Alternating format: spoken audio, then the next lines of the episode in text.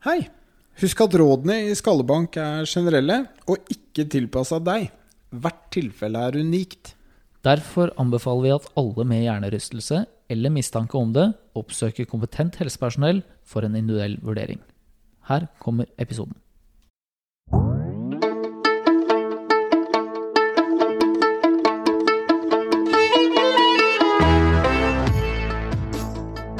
Hei, og velkommen til eh, Skallebank, podkasten om hjernerystelse. Jeg heter Narve Bjørneseth. Og jeg er Lars Martin Fischer. Eh, Vi får jo stadig vekk eh, noen innspill fra dere lyttere både på e-posten vår skallebankpod at gmail.com, og så har vi en konto på Instagram der vi heter Skallebank hjernerystelse. Der er det flere som sender inn gode innspill også. Så det tenkte vi at vi skulle ta litt eh, tak i eh, noe av det vi har fått inn der i dag. Vi er ikke så kjempekjappe på å svare alltid, men vi, vi glemmer det ikke. Eh, Så nå fikk vi et innspill fra Mari og Kaja, der de bl.a. lurte på dette her med skjermbruk. Og det vet vi jo er, er ganske vanlig at, at de sliter med. At pasienter kan slite med skjerm, bruk av skjerm etter en hjernerystelse. Det er jo eh, Vi har litt tall der da, på hvor mange som, som har det man kaller fotofobi, eller lyssensitivitet, etter en hjerneskade. Og da regner man med at omtrentlig 40% blir sensitive for lys etterpå. Så eh, det er jo ikke sånn at det bare er lyset som gjør en skjerm vanskelig for den med hjernerystelse. Det kan være mye annet i kombinasjon og alt sånn. Men bare vit det at eh, lyssensitivitet, og være, være var for sanseinntrykk, det er veldig vanlig etter en hjernerystelse. Ja.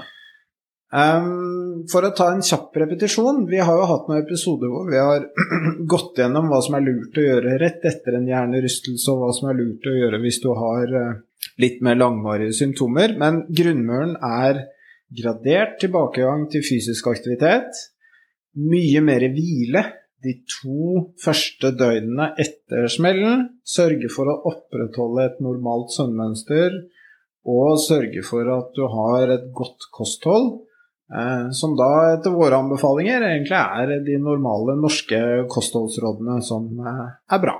Ja, så er det jo mange som får uh, høre det at de bør unngå skjerm, og, og der er det vel ikke veldig mye forskning som vi har å støtte oss på, men noe. Ja, det er jo da eh, I fjor eh, høst så kom det en studie på ungdom, hvor de da så på noen hundre ungdom og sammenlignet én gruppe som hadde veldig strenge skjermrestriksjoner, altså ingen skjerm første to døgn etter hodesmell, mot eh, ingen restriksjoner.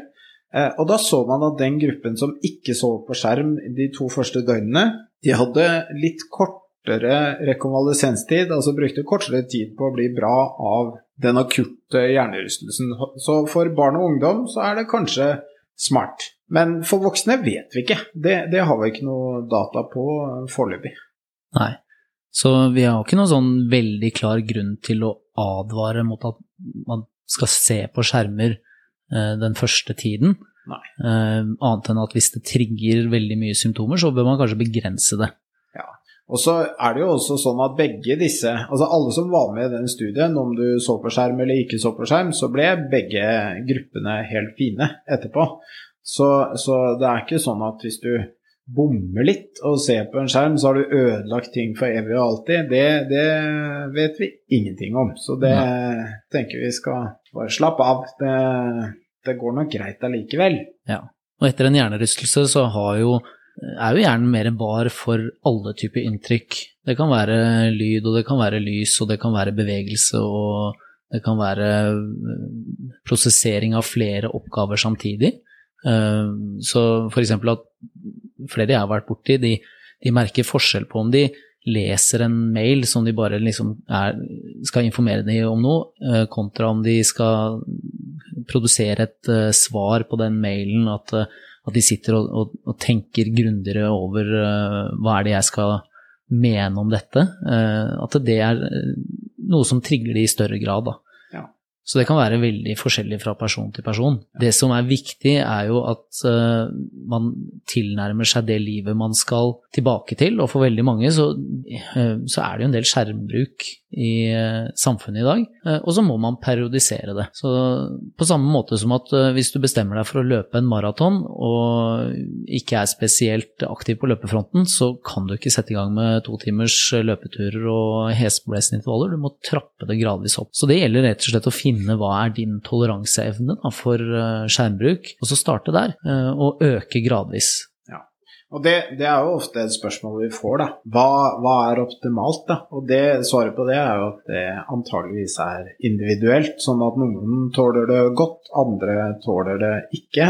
Men eh, eh det, er, det er ingen som umiddelbart blir ekstremt dårlig av å se på en skjerm. Det er ikke sånn at du slår på skjermen, og så pang, så kommer symptomene som en bølge over deg. Det tar litt tid, og det betyr også at hvis grensen din kanskje er to minutter, så, så, kan du jo begynne på ett minutt, da, som er mm. litt, men veldig mye mer enn ingenting. Ja, Hvis du da ser på skjermen i to og et halvt minutt, da, og så får du en reaksjon, så vet vi at det er ikke farlig, det heller. Så man må bare gi seg selv tid til å hente seg inn igjen. Så, men det er gjort eh, noe forskning på, på type skjerm, og, og, i 2017 så kom det da et studie som så på dette med LCD-skjermer eh, kontra ikke-LCD-skjermer. Uh, nå er det jo mer sånn LED som er på markedet, så det er jo litt forskjell på teknologien og ting utvikler seg, så vi vet ikke helt hvordan det forholder seg. Men der så man det at uh, LCD-skjermene de trigget mer symptomer enn de ikke-LCD-skjermene. Ja.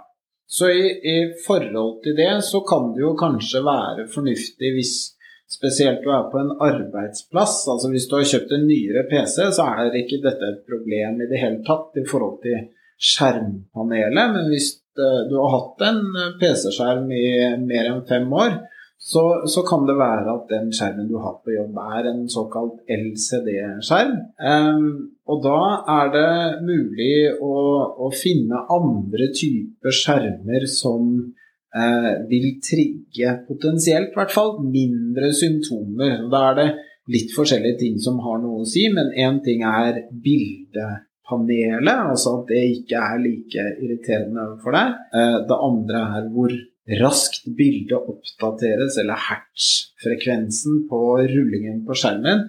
Eh, men dette er noe Nav har veldig god oversikt over hvis du er eh, sensitiv for Eh, for, for eh, synsuttrykk på skjerm.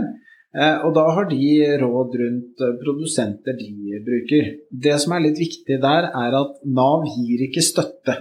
Dette må arbeidsgiver betale for deg, for de er regnet som en, en, en arbeidsplassjustering som det offentlige ikke skal betale for. Ja, og dette her er jo også kanskje skjermer som ikke produseres i så store kvanta som de vanlige PC-skjermene, TV-ene, så, så, det er ofte forholdsvis dyre produkter.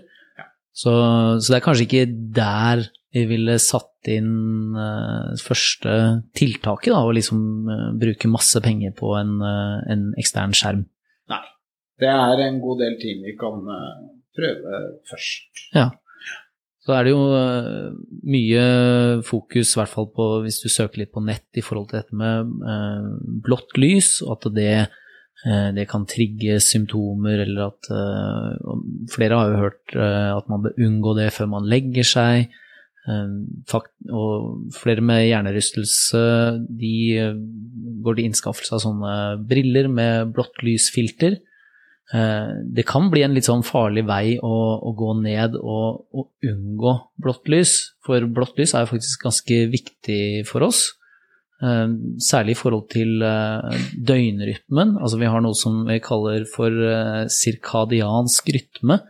Det betyr egentlig bare vår fysiologiske døgnrytme.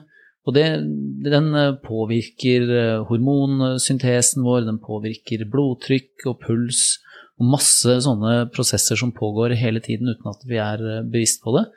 Og faktisk er det sånn at den resettes, den rytmen, hver morgen ved at vi møter dagslyset.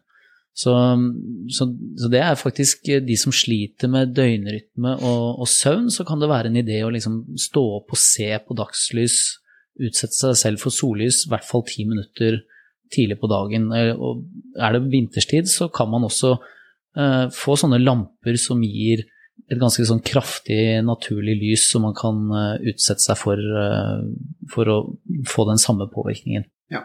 For det, Døgnrytmen din den går og går og går, så det eneste lyset gjør, er bare å, å fininnstille klokka sånn at det blir riktig for den dagen du har, har foran deg. Eh, så du vil ha en våken trøtt-rytme uansett, men, men, lyset gjør at du blir Du tilpasser deg dagslyset. Og faktisk så er vår biologiske rytme den er litt lenger enn 24 timer. Ja. Sånn at, eh, så det er faktisk en, eh, en idé å å bruke dette her uh, hver morgen. Ja. De har jo testet det her i, i ikke-synsmiljøer, altså i mørke gruver, for å se om det var døgnrytme da. og Blomstene oppførte seg som om sola sto opp og gikk ned på helt vanlig måte, men, men det var ikke helt i synk med døgnet lenger. Så, mm. så synkingen er viktig. Eh, og vi vet jo at etter hjernerystelse så blir jo denne reguleringen av, av de ikke-viljestyrte Eh, prosessene i kroppen den kan bli litt rar. Eh, mm. Så det er en fordel å prøve å opprettholde det. Ok, Men vi har jo litt, litt enklere ting som man kan prøve også, uh, før man uh, går til innkjøp av ting. Og dette her med Det er flere ting som påvirker ved skjermbruk enn bare lyset, som vi var inne på. Det handler om fokuspunkt, e, e, evnen til å se på ting som beveger seg. Og da, da, kan man prøve å gjøre et sånn veldig enkelt grep med nakkeposisjonen sin. Det ser vi flere ganger når vi tester folk på syn, at hvis, hvis, de bare trekker haka litt inn, så oppleves det ofte lettere å gjøre en følgebevegelse med øynene, f.eks. Uh, og vi vet jo at ved en PC så er det mange som tenderer til at man blir sittende litt sånn med haka frem, eller at man får en en ekstensjon eller en strekkbevegelse i øvre nakkeledd. Så, så, det går an å, å, prøve seg litt frem med, med, med posisjonering. Ja. Rett, rette seg opp i ryggen, på en måte? Ja. ja. Uh, og så kan man også benytte seg av det som kalles for grounding, altså det å søke kontakt med underlaget. Og det, det vi egentlig er ute etter her, er å hente inn mer sensorisk informasjon fra kroppen. Uh, så det kan man, om man liksom tramper godt i gulvet, er jo én måte, men du kan også Eh, legge noe tungt i fanget. Eh, hvis du har eh, vondt i hodet eller nakken, så kan du legge en hånd på det, bare for å gi det et sensorisk input mens du ser på skjerm. Og så er det flere som opplever det at det, det gjør det litt lettere. Men det er, altså det er hva som er et råd, og hva som eh, kan tendere til å bli en uvane, er jo litt viktig å si òg. For vi mm. får jo pasienter som holder seg i nakken hele tiden. Mm. Sånn at det er å, å, teste ut og bruke Altså hvis du har et sår, så bruker du et plaster, men når, eh, når såret har grodd, så har ikke det plasteret nytte lenger. Eh, men da kan faktisk det plasteret gi hudskader hvis det sitter på for lenge. Så det er noe med å å, å prøve litt, men også prøve uten for å se om du da klarer å fungere eh, på nåværende tidspunkt. Ja. Du vet ikke, med mindre du tester som det skal være normalt.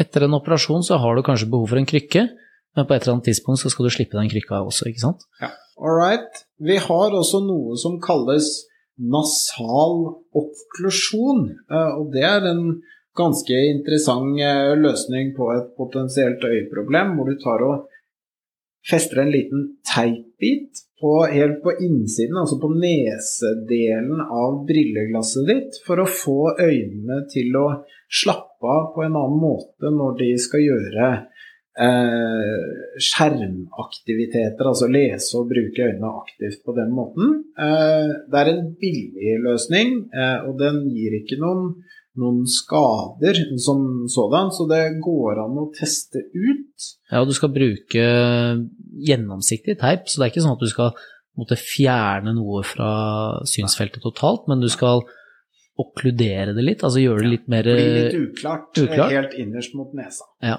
mm. og det gjør at uh, de deler av synsfeltet som liksom krysser over i begge øynene, de um, de blir litt blurry. Og det, det er det mange som opplever en, en bedring av. Ja.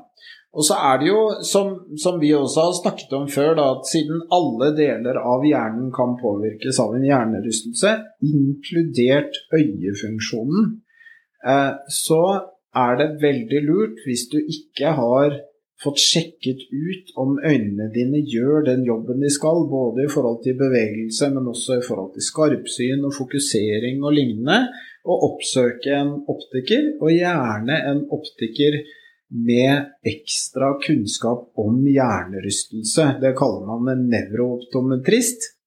Eh, ortoptister eh, er også en, en, en mulighet å gå, men i hvert fall noen som vet litt mer om at hjernen kan få følgefeil også i øynene etter at man har slått hodet. Og bruker du briller eller linser til vanlig, og det har gått en stund siden du har vært til en uh, sjekk hos optikeren din, så kan det også være nyttig å, ja. å se om synet ditt har endret seg på den tiden. Ja. Uh, kanskje det er noe hjernen din har klart å kompensere, uh, for det skjer, er jo en prosess som skjer veldig gradvis, men plutselig så har du nå en hjernerystelse å håndtere, og så takler hjernen den endringen mye dårligere. Ja. Vi vet det at det er veldig mange ting hjernen din kamuflerer hos de aller fleste. Jeg for min egen del har det vi kaller skjult skjeling, som ikke dukker opp med mindre jeg har drukket litt mye eller løfter veldig, veldig tungt uh, i, i treningsrommet. Men hvis jeg hadde fått hjernerystelse, så er det relativt sannsynlig at jeg hadde fått noen synsproblemer basert på det. Fordi jeg har en følgefeil som jeg nå må bruke litt ekstra krefter på, men ikke gi meg noen problemer i hverdagen. Og sånn er det for veldig, veldig mange av oss, at hjernerystelsen kan hente fram litt gammelt grums og så blir det plutselig et problem som ikke har vært der før. Jeg tenker Narve, at det kunne vært interessant også om vi fikk laget en episode med en uh, nevrooptometrist, som kanskje kunne kommet og snakket litt om hva de jobber med og hva de ser? Absolutt, det finnes noen meget flinke folk der ute, så hvis dere føler dere kallet, så bare ta kontakt. Hvis ikke, så kontakter vi dere. Ja, vi skal finne dere. Ålreit, takk for nå. Da får vi høres ved neste korsvei. Vi høres.